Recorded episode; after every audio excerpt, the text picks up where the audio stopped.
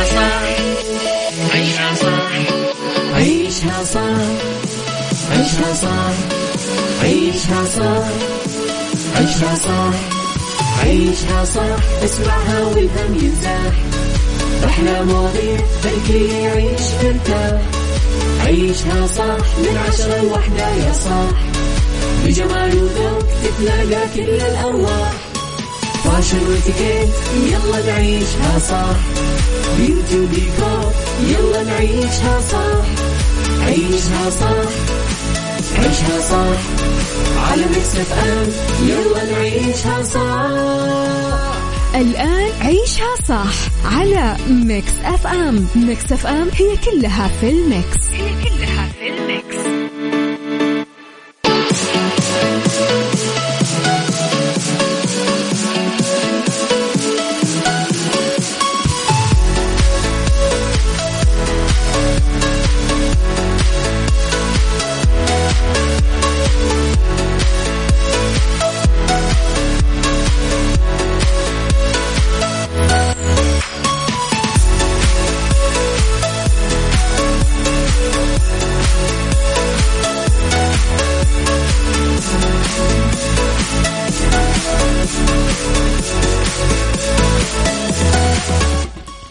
يا صباح الخير والورد والجمال والسعادة والرضا والمحبة والتوفيق والفلاح وكل شيء حلو يشبعكم.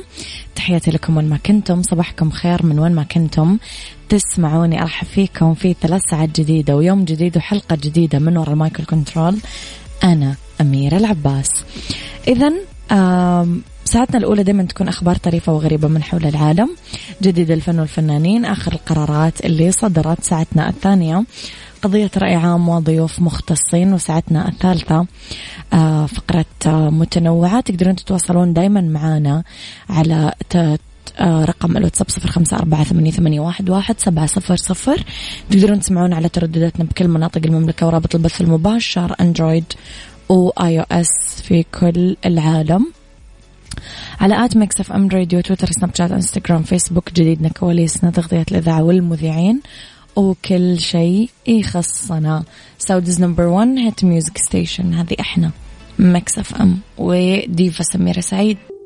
عيشها صح مع أميرة العباس على Mix FM Mix FM هي كلها في ال mix. هي كلها في ال mix.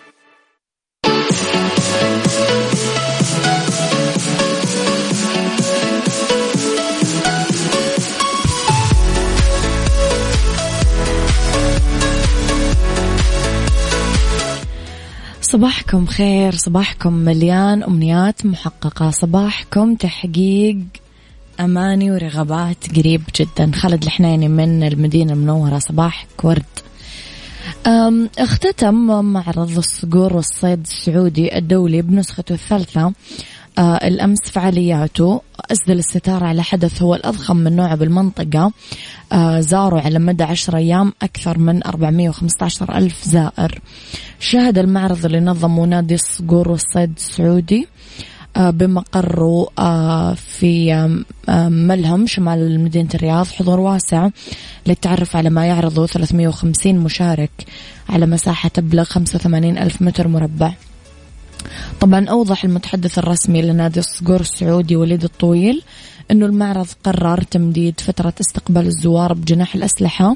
خمس أيام إضافية ذلك حتى الجمعة 15 أكتوبر المقبل. يعد معرض الصقور والصيد المنصة الأولى لبيع الأسلحة بالمملكة والحدث اللي يترقبه هو تربية الصقور وعشاق الأسلحة والصيد ويحتضن إلى جانب جناح الأسلحة منطقة لعرض الصقور ومناطق للفنون والتفاعل العائلية وميادين الرماية منطقة السدو وأركان لمعدات الصقور ومستلزمات التخييم والمقناص وأجنحة لسيارات الدفع الرباعي المعدة للرحلات وركن لصقار المستقبل المخصص للأطفال متحف رقمي وكثير مفاجآت وفعاليات مصاحبة تستهدف كل أفراد العائلة. صدق أنا زرته مرة. آه كثير كثير كثير حلو. متأكدة أنه نسخته هذه أحلى. عيشها صح مع أميرة العباس على Mix FM. Mix FM هي كلها في ال mix. هي كلها في ال mix.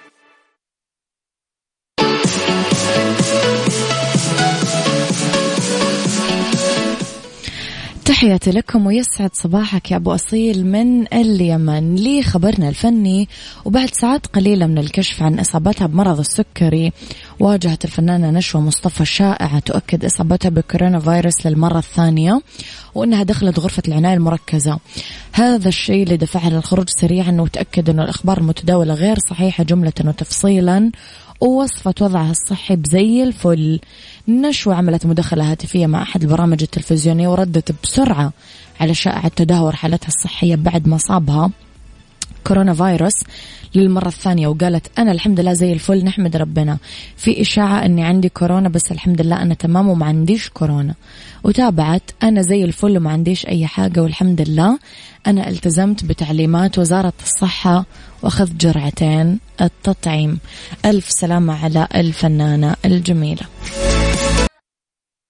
عيشها صح مع أميرة العباس على Mix FM. Mix FM هي كلها في ال mix. هي كلها في ال mix.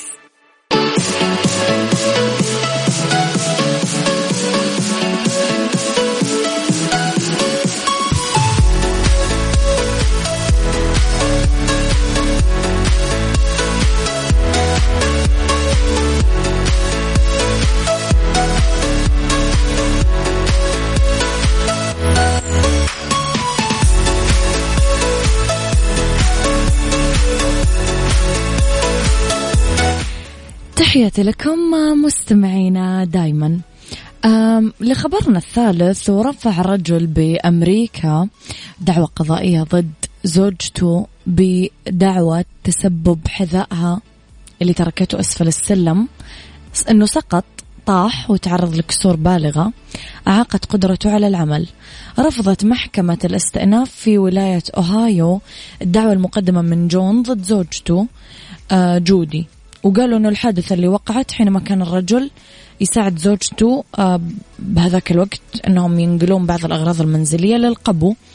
وتعثر جون بالحذاء الله يكرمكم اللي موجود وسقط على درجة الطابق السفلي بحادثة تسببت في إصابته بكسر في عظم الساق والذراع.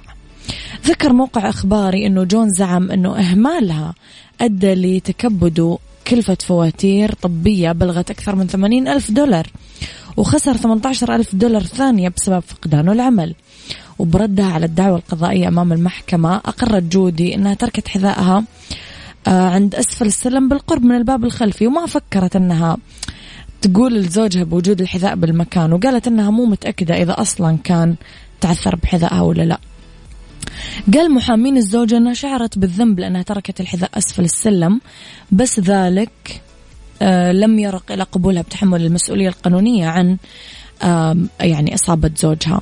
وفقا لوثائق المحكمة الاثنين كانوا متزوجين آه لما رفعوا القضية وما زال في بينهم روابط زوجية مع رفع الدعوة من قبل محكمة الاستئناف. يو؟ عيشها صح. عيشها صح. عيشها صح. عيشها صح عيشها صح عيشها صح عيشها صح اسمعها والهم ينزاح أحلى مواضيع خلي يعيش مرتاح عيشها صح من عشرة لوحدة يا صاح بجمال وذوق تتلاقى كل الأرواح. فاشل واتيكيت يلا نعيشها صح beauty وديكور يلا نعيشها صح عيشها صح عيشها صح على Mix FM يلا نعيشها صح الآن عيشها صح على Mix FM Mix FM هي كلها في ال mix. هي كلها في ال mix.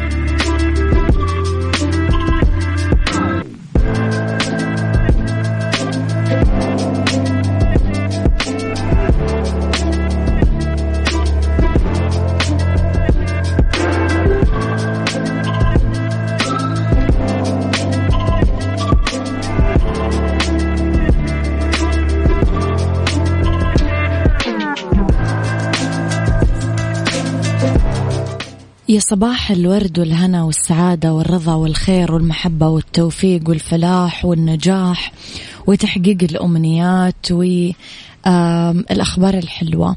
في هذه الساعة اختلاف الرأي لا يفسد لي الود قضية ولولا اختلاف الأذواق لبارة السلع. نتكلم اليوم أنا وياكم على تعلم الصبر. مو كل يوم رائع. إحنا نفتقد الصبر وقيمه وكأننا نجهل فوائده. كثير من المشاكل اللي تصير بحياتنا اليومية هي نتيجة لغياب الصبر أو لعدم ممارسته وإدراك قوته وأهمية حضوره. وبكل خطوة نتوجه لها تظهر ملامح هذا الغياب أو التغيب وبعدة نكسات وصعوبات بل حتى ممكن نشوفها بإخفاقات تقع هنا وهناك. سؤالي لكم اليوم بهذه الساعة. إيش مفهومكم عن الصبر ونتائجه؟ وهل تأخذ بحكمة الصبر له مذاق سيء بس نتائجه حلوة؟ اكتب لي اسمك ورقم جوالك وأنا بتصل عليكم على صفر خمسة أربعة ثمانية, واحد سبعة صفر صفر. صباح الخير يا أبو عبد الملك. عيشها صح مع أميرة العباس على Mix FM. Mix FM هي كلها في ال mix. هي كلها في ال mix.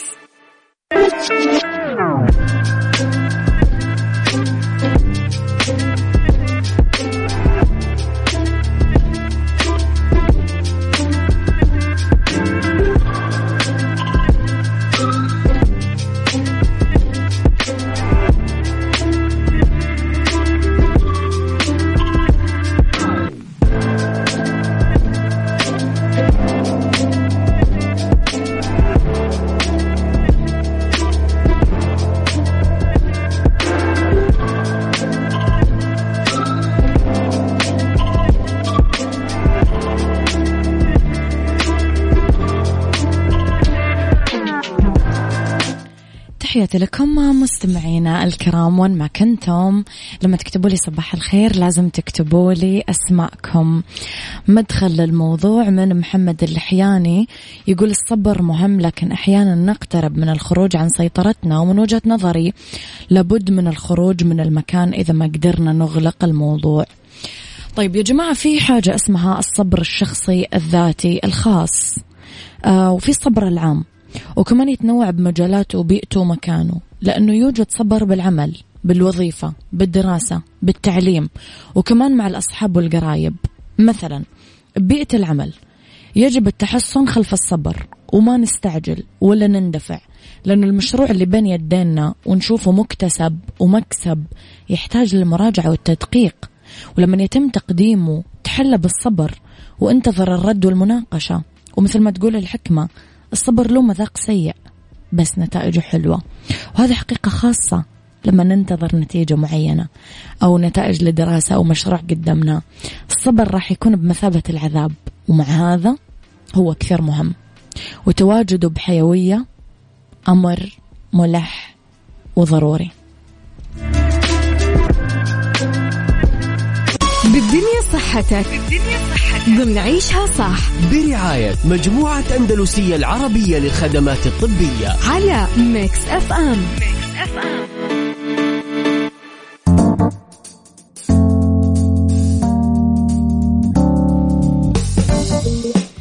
يسعد مساكم بكل الخير. تحياتي لكم من وين ما كنتم تسمعون. أرحب فيكم من وراء ال mic وال control أنا أميرة العباس في ساعتنا الثالثة ولا إنه اليوم اثنين دائما ينورونا طبعا أندلسية واسمحوا لي أستضيف ضيفتي في الاستوديو الدكتورة مي قاروت استشاري آه، أمراض النساء والطب التجميلي آه، من مركز أندلسية لصحة وجمال المرأة. راح نتكلم اليوم أنا ودكتورة مي عن صحة المرأة. يسعد مساكي دكتورة. أهلين أهلين مدام اميره نرحب فيك أكيد في آه، ساعتنا هذه.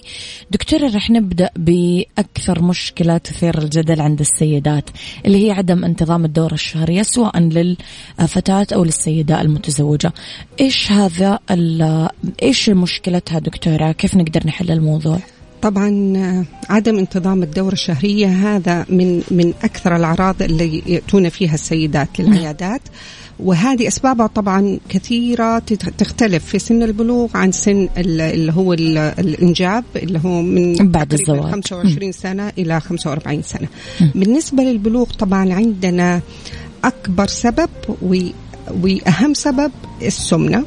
طبعا في ذا السن الست تكون الفتاة تكون غير مستقرة نفسيا. دائما أي أي قلق قلق نفسي عندها تحط حرافة في الأكل صحيح. أو وتبطل تسوي رياضة تتمرد صحيح. على أهلها فتصير نفسيا على جسديا. جسمها يبدأ يبوظ هي نفسيا تبدأ تتضرر فتتلخبط الدورة أكثر وأكثر. فهذه أنا أشوف من أهم الأسباب اللي الأم تأخذ بنتها لدكتورة النساء عشان تعرف السبب وعلى أساسها تحط الحل. ما في حل عام. كل حالة تختلف لا. عن الثانية. كل عمر كل كل حالة تختلف عن الثانية لأنه كل واحدة من المراهقات لها سبب. واحدة تكون حساسة واحدة تكون متمردة واحدة تكون آه، يعني عندها مرض الأكل. يا تأكل كثير يا تأكل قليل. واحدة تكون عندها في مرض اسمه متلازمة تكيس المبايض. هذا شيء عام تقريبا 10 ل 15% من مجتمعنا.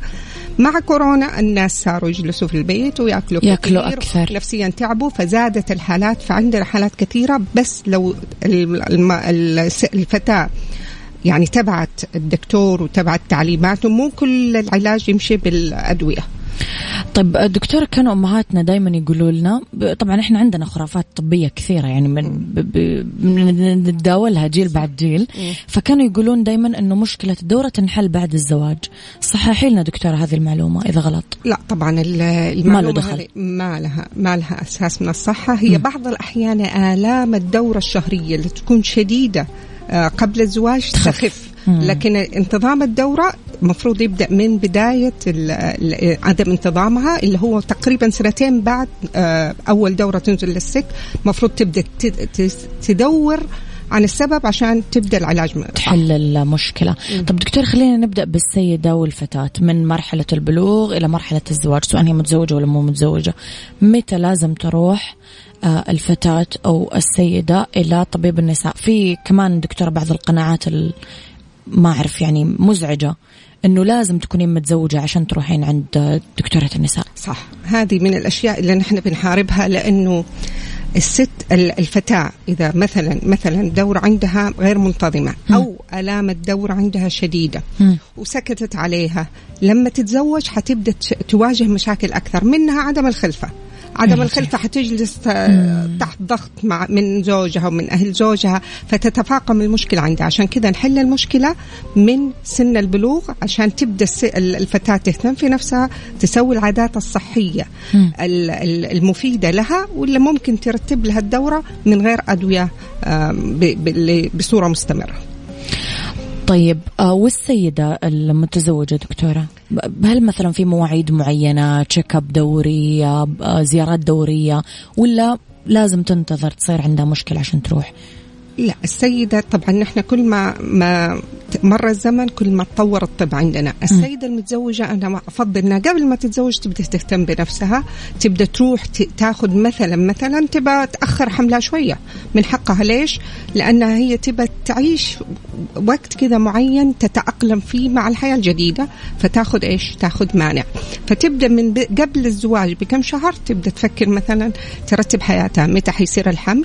بعدين لو الدورة غير منتظمة ترتبها.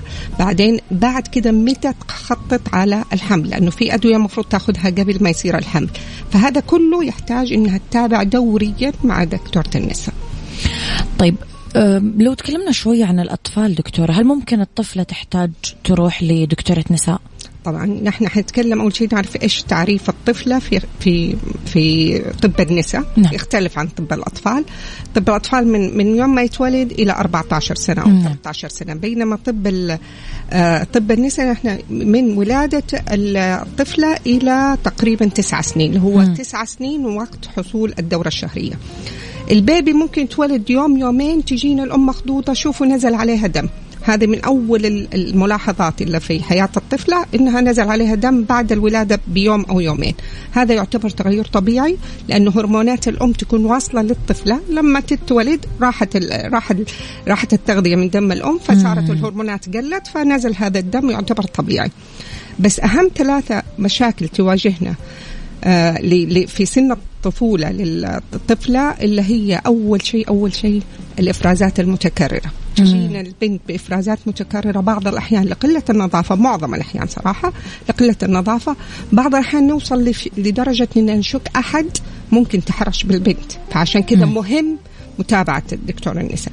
في سبب ثاني بعض الأحيان الأم هي بتغير الحفاظة لبنتها مثلا عمرها سنة سنتين.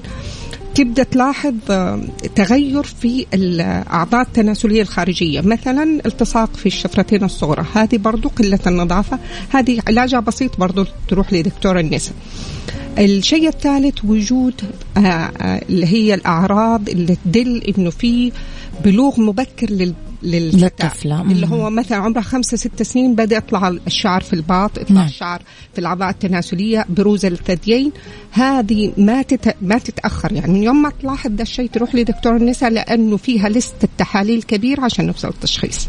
دكتورة بحكم ما ذكرك للمانع مؤخرا الثلاث سنين يمكن الماضية كثير صارت تطلع أخبار وتقارير طبية إنه آه تسبب تجلطات تسبب آه حالات يعني طوارئ طوارئ طوارئ طوارئ. آه البنات بدأوا يشتكون من هذا الموضوع صرت تقول لك إيش أعمل؟ طيب أنا ما عندي إلا هذا الحل. أطباء الطوارئ بدأوا يطلعون يقولون يا بنات خلاص لا تأخذون. جاوبينا دكتور على هذه النقطة لأنه كل الناس قاعدة تسأل عنها صح هذا الموضوع آه، يعني عشان كذا أنا أقول ما تبدأ الفتاة لحالها تاخذ المانع لازم لأنه. في أسباب أس أس يعني الموانع كثيرة ومو كل وحدة تاخذ نفس المانع مم. فمعظم الفتيات تجي تبدأ بمثلا حبوب منع الحمل طب حبوب منع الحمل هذه هرمونات لو المريء الفتاة اللي حتاخذ الحبوب عندها تجلط سابق هذا حتسبب لها جلطة.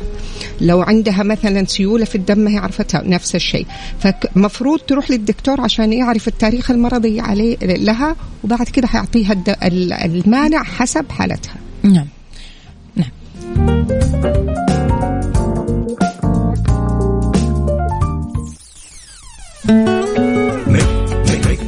Mix FM انت تستمع إلى Mix FM It's all in the mix. all in the mix.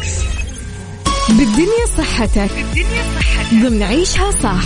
برعاية مجموعة أندلسية العربية للخدمات الطبية. على Mix FM Mix FM إذا دكتورة مي قاروت استشارية أمراض النساء والطب التجميلي. دكتورة نتكلم شوية عن سن المراهقة. إيش أكثر الأمراض شيوعا بهذا العمر؟ آه، من أكثر الأمراض شيوعا اللي هي أو نسميها أعراض لأنها قد تكون ما هي أمراض. قلنا نحن اللي هي آه، اختلاف في الدورة أو عدم انتظام الدورة والآلام الدورة. نعم. تجينا الفتاة مثلا كل شهر تغيب يوم يومين عن المدرسة أو عن الشغل تقول لك ليش ألم الدورة شديد ما بقدر أروح. في هذه الفترة ضروري تروح تبحث عن السبب وتعرف إيش الدواء المناسب لهذه المشكلة. لو بحثت عن السبب ولا يوجد أسباب لا في أكياس على المبايض الرحم بالأشعة كويس هرموناتها كويسة ديك الساعة نبدأ نختار لها الدواء المناسب لحالتها اللي هو يودي لها الألم بحيث أنها ما تتأثر حياتها. هذا بالنسبة للآلام آه، الدورة. بالنسبة عدم انتظام الدورة ضروري الست برضو الفتاة تروح لسبب واحد لأنه في المراهقة قلنا عندهم فترة العناد فترة التمرد فتلاقيها عارفة تتمرد وهي حساسة فتزعل نفسيتها تتعب تبدأ تاكل كثير. مم. بعض الأحيان بالعكس تقل أكلها يقل أكلها فيقل وزنها فتتلخبط الدورة أكثر وتدخل تدخل في مشاكل كثيرة. فالأفضل برضو تروح للدكتور عشان يبدأ. هو الدكتور طبعا حيعالجها ما حيعالجها بس جسديا حيعالجها نفسيا. إذا عندها مشكلة نفسيا حيجلس مع الأهل. ممكن يحولها لاستشاري أسري. لو كانت عندها مشكلة السمنة حيبدأ يحولها لاخصائي تغذية لو عندها مشكلة تكيس مبايض حيعالج تكيس المبايض لأنه متلازم التكيس المبايض للأسف يعني عدد الحالات بتزيد وبتتعالج غلط. طيب دكتورة آه، لو نروح شوية كمان لموضوع شوية آه، شائك ومقلق للسيدات. كل حالات تأخر الحمل تصنف عقم ولا يختلف الموضوع؟ آه. وإيش يعني تأخر أصلا دكتورة؟ يعني بعد كم لازم الوحدة تصير حامل؟ نعتبر تأخر الحمل آه، صار مثلا صار الزواج وبسنة من يكونوا الزوجين عايشين في نفس البيت. نعم. في علاقة حميمة بينهم من مرتين لثلاث مرات في الأسبوع آه وعايشين في نفس البيت لمدة سنة نقول في تأخر حمل. لأنه وعندهم نية خلفة. وما هم أخذين مواعيد نعم. طبعا. نعم. آه لأنه إيش اللي بيصير؟ مثلا واحدة مثلا نقول على سبيل المثال أمها تعبانة أو أهلها عندهم مشكلة فتروح في فترة التبويض كل أسبوعين ثلاثة أسابيع راحت جلست عند أهلها 10 أيام في فترة التبويض. فهذا ما يعتبر لك إنها بتسوي مانع. فعشان كذا مفروض يكونوا جالسين في فترة معينة دورتها طبعا منتظمة. عارفين فترة التبويض لمدة سنة؟ نقول في تأخر الحمل لسبب. وذيك الساعة لما تروح للطبيب يبدأ يدور الأسباب. متى نقول عقم دكتورة؟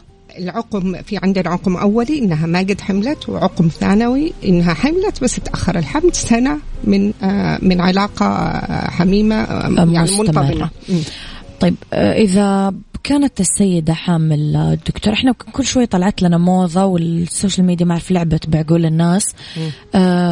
صارت يعني كل انفلونسر أو مشهورة تطلع تعرض تجربتها وتبدأ تنصح وكأنها دكتورة. يعني والبنات يطبقون طبعا جهلا يمكن.